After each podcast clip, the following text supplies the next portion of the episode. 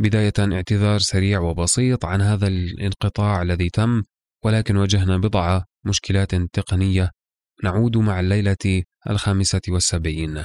استماعا طيبا وشكرا لكل من تواصل معي عبر إنستغرام تويتر فيسبوك والإيميل مستفسرا عن هذا الانقطاع. وهذا الحب يعني لي الكثير. فشكرا لكم وأترككم مع الليلة الخامسة والسبعين. سلام. كان يا مكان. في قديم الزمان وسالف العصر والأوان ملك يدعى شهريار يحب الاستماع إلى قصص الإنس والجان. وكانت جاريته شهرزاد تقص عليه في كل ليلة قصة. هذا بودكاست ألف ليلة وليلة الموسم الثالث.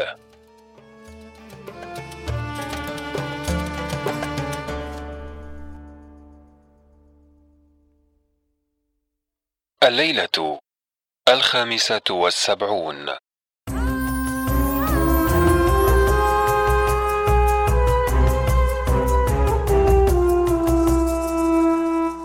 حكاية الملك عمر النعمان مع ولديه شركان وضوء المكان.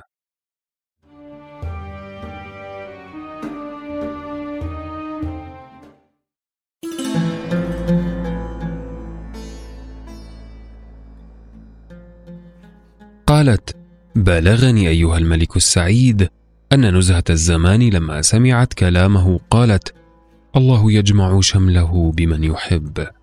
ثم قالت للخادم قل له أسمعنا شيئا من الأشعار المتضمنة لشكوى الفراق.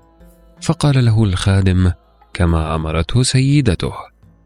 فصعد الزفرات وأنشد هذه الأبيات.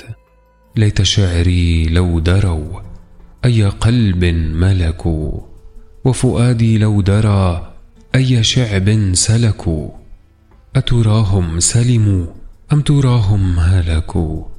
حار أرباب الهوى في الهوى وارتبكوا. وأنشد أيضا هذه الأبيات أضحى التنائي بديلا من تدانينا وناب عن طيب لقيانا تجافينا بنتم وبنا. فما ابتلت جوانحنا شوقا إليكم ولا جفت مآقينا. غيظ العدا من تساقين الهوى فدعوا بأن غص فقال الدهر آمينا. أن الزمان الذي ما زال يضحكنا أنسا بقربكم قد عاد يبكينا. يا جنة الخلد أبدلنا بسدرتها والكوثر العذب زقوما وغسلينا. ثم سكب العبرات وأنشد هذه الأبيات. لله نذر إن أزر مكاني وفيه أختي نزهة الزمان لأقضين بالصفا زماني ما بين غيد خرد حسان وصوت عود مطرب الألحان مع ارتضاع كأس بنث ألحان ورجف ألمى فاتر الأجفان بشط نهر سال في بستان. فلما فرغ من شعره وسمعته نزهة الزمان كشفت ذيل الستارة عن المحفة ونظرت إليه.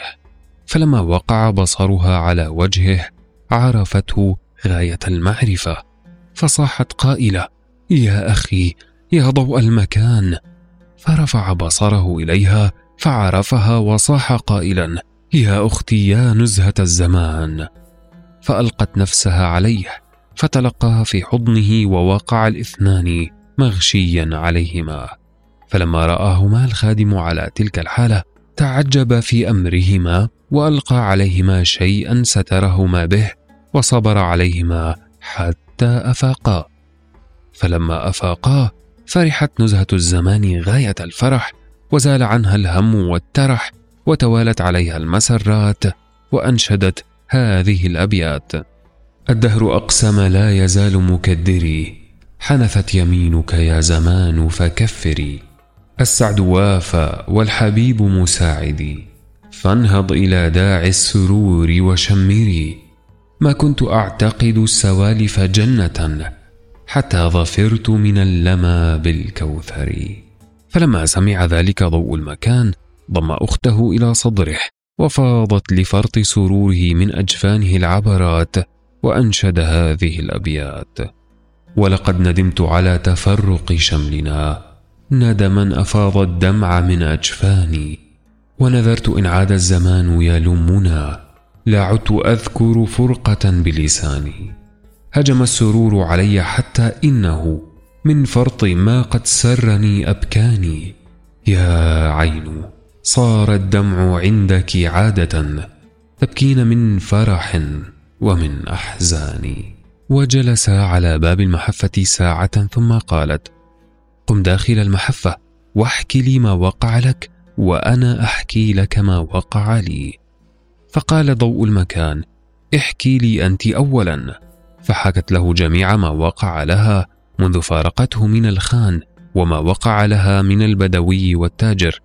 وكيف اشتراها منه وكيف أخذها التاجر إلى أخيها شركان وباعها له. وإن شركان أعتقها من حين اشتراها وكتب كتابه عليها ودخل بها. وإن الملك أبوها سمع بخبرها فأرسل إلى شركان يطلبها منه ثم قالت الحمد لله الذي من علي بك ومثلما خرجنا من عند والدنا سواء نرجع إليه سواء. ثم قالت له إن أخي شركان زوجني بهذا الحاجب لأجل أن يوصلني إلى والدي وهذا ما وقع لي من الأول إلى الآخر. فاحكي لي أنت ما وقع لك بعد ذهابي من عندك. فحكى لها جميع ما وقع له من الأول إلى الآخر وكيف من الله عليه بالوقاد وكيف سافر معه وأنفق عليه ماله وأنه كان يخدمه في الليل والنهار.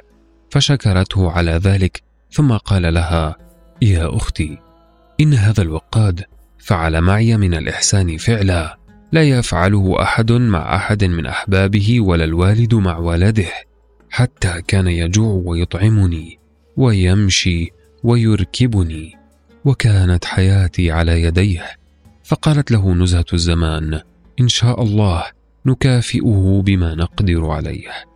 ثم إن نزهة الزمان صاحت على الخادم فحضر وقبل يد ضوء المكان وقالت له نزهة الزمان خذ بشارتك يا وجه الخير لأنه كان جمع شملي بأخي على يديك فالكيس الذي معك وما فيه لك اذهب وأتني بسيدك عاجلا.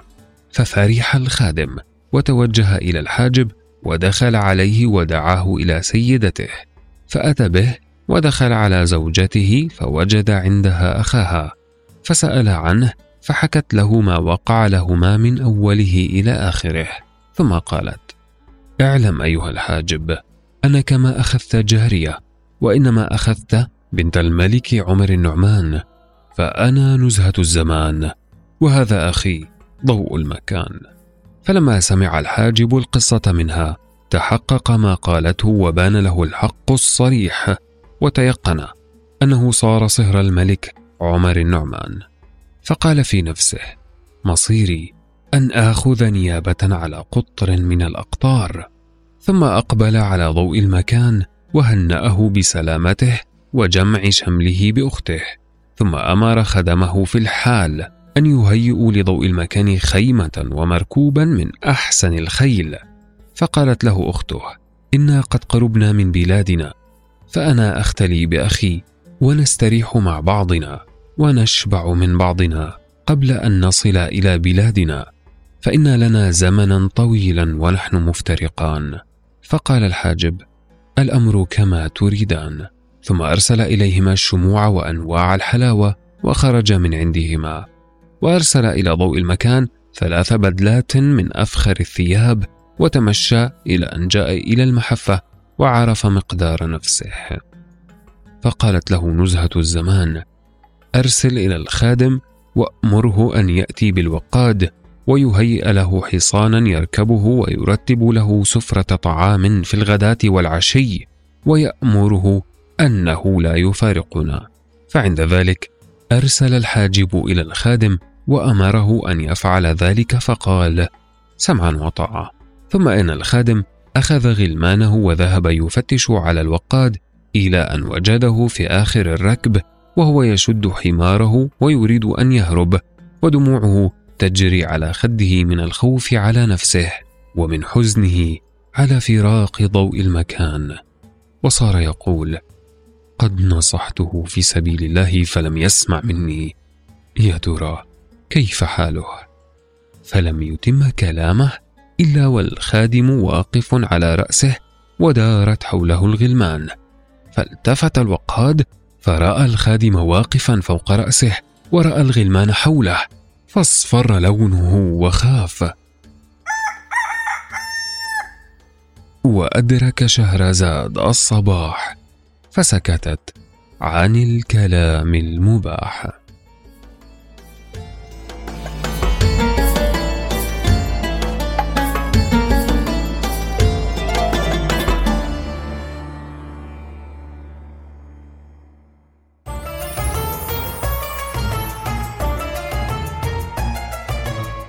أنا نزار الحمود معكم في قراءة الليالي. لا تنسوا مشاركة الليالي مع من تظنون أنهم سيحبون ذلك. شكرا لكم. شكرا دائما.